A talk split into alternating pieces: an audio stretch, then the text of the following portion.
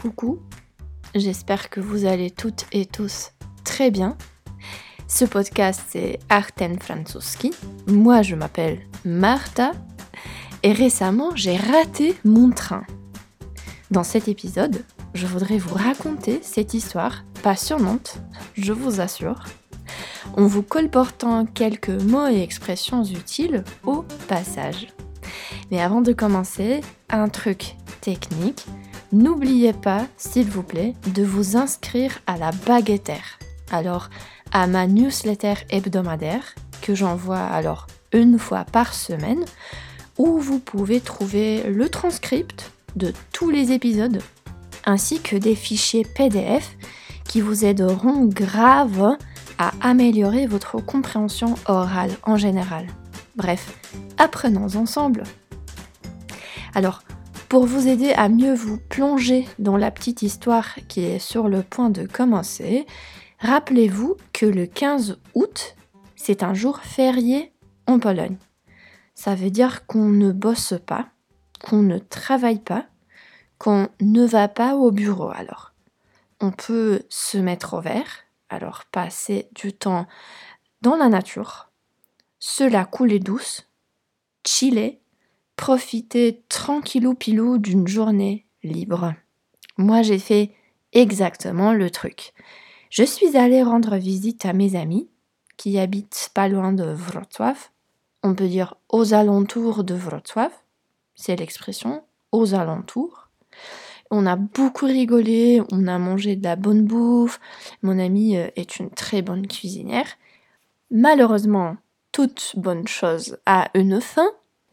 Et après un déjeuner savoureux, euh, son mari m'a accompagné à la gare. Et un petit stop ici pour que ça s'entende, pour que vous l'entendiez bien. Son mari m'a accompagné à la gare. Voici l'expression qu'on utilise en français pour dire que on vous a mené quelque part, on vous a déposé quelque part. Et le contraire, vous le connaissez Genre, euh, vous arrivez à la gare et vous voulez que quelqu'un s'y rende pour vous y trouver. En français, on peut dire Tu peux venir me chercher Alors, cette personne peut dire Je te cherche à la gare ou Je vais te chercher à la gare. Donc, accompagner quelqu'un quelque part et aller ou venir chercher quelque chose ou quelqu'un. D'accord? Retenez-le bien. Il m'a donc accompagné à la gare et on est parti très content et tout. On a pas mal papoté en route et on est bien arrivé à la gare Wrocław Mikołajów. Et la première chose qui m'a mis la puce à l'oreille, alors qui m'a suggéré que quelque chose n'allait pas, c'était que j'ai vu beaucoup de gens sortir de la gare du coup. C'était comme si euh, un train bondé, alors un train qui transportait beaucoup de passagers, venait d'arriver. Ok, du calme. Je me suis dit, du calme, tu vas voir. Mais du coup, coucou problème numéro 2. Mon train n'était à trouver nulle part sur les tableaux d'information électronique. Rien, nada.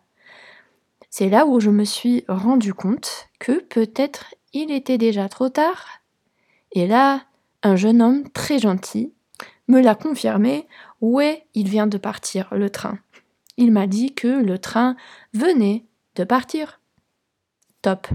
Alors, mon ami Frédéric m'a proposé de m'emmener chez eux et de m'accompagner encore une fois après, parce que le prochain train arrivait au bout de deux heures. Mais je lui ai dit de rentrer tranquillement. J'ai dit que j'allais lire un peu au soleil. Ne t'en fais pas mon pote, c'est pas la peine de faire ce va-et-vient, je vais me débrouiller. Alors je lui ai dit carrément de rentrer. Et il est parti, en me disant de lui faire signe une fois bel et bien installé sur mon siège du train de 19h06. Et c'est à ce moment-là où je me suis félicitée de ne pas avoir oublié mon livre du moment chez moi. parce que je suis en train de lire le livre de Titu Lecoq, journaliste, historienne, écrivaine de ouf. Et le livre, qui est aussi un livre de ouf, est intitulé Les grandes oubliées, pourquoi l'histoire a effacé les femmes. L'histoire en majuscule, à savoir la grande histoire. J'adore ce livre. Mon exemplaire est tout marqué par des points d'exclamation.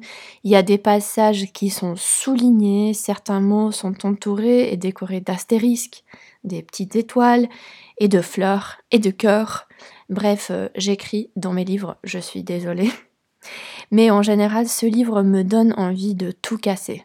Il retrace le sort des femmes à travers les siècles. Le sort, c'est la vie, le devenu, ce qui s'était passé euh, aux femmes euh, pendant les siècles derniers. Par exemple, comment est-ce que les femmes ont été éliminées de la course au trône?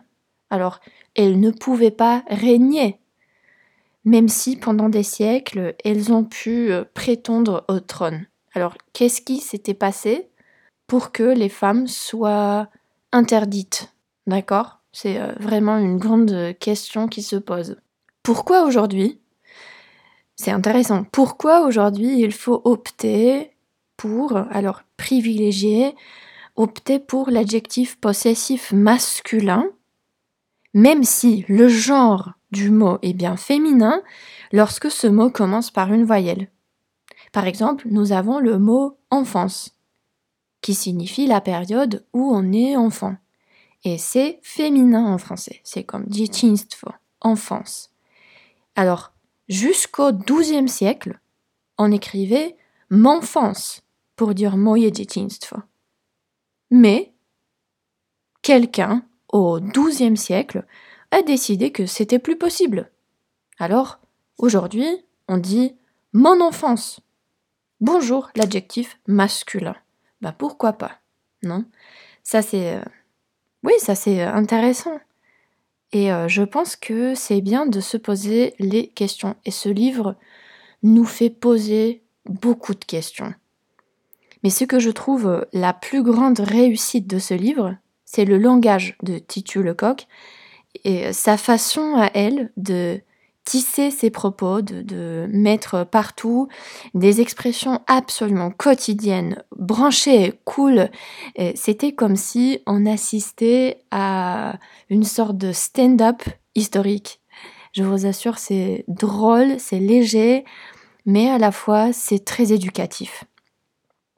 Par exemple, elle explique quelque chose et elle dit allez hop, c'est parti. Ou, euh, je sais pas, à un moment donné euh, de ce livre, elle raconte une histoire d'une fille, d'une femme, euh, qui s'est fermée dans un couvent, dans une petite salle, pour quelques années.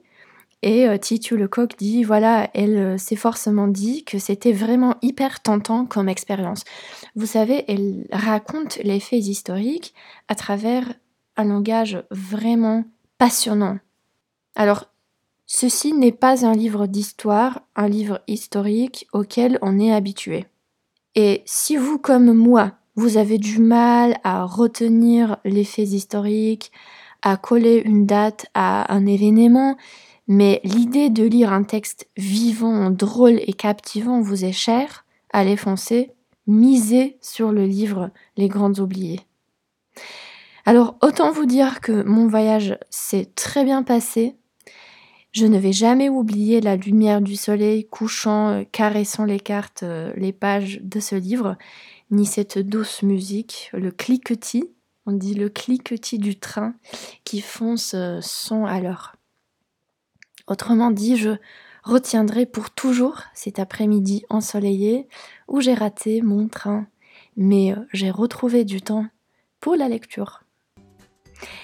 Alors, euh, si vous trouvez des expressions de cet épisode intéressantes, dans la paix défendue, vous trouverez une transcription et quelques activités. Et euh, maintenant, c'est à vous de jouer. Et changeons un peu, hein. Votre livre coup de cœur à vous, c'est quoi? Ou euh, votre souvenir d'été bien chéri? Et un souvenir que vous allez chérir longtemps? Ma boîte est à votre disposition.